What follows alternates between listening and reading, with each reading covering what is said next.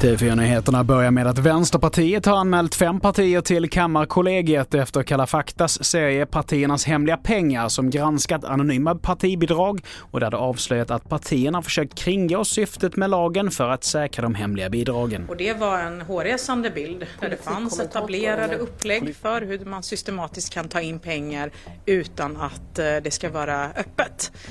Eh, därför vill vi ju nu att Kammarkollegiet tittar igenom de här avslöjade partiernas eh, ja, men bokföring de senaste fyra åren sedan den här lagstiftningen kom för att se om det finns någon systematik i att de har tagit in pengar. Och i inslaget här så hörde vi Nooshi Dadgostar, partiledare för Vänsterpartiet och mer om detta kan du hitta på tv4.se. Vidare till Kalmar där flera cyklister har blivit påkörda av en personbil i Mönsterås. Det rapporterar Aftonbladet.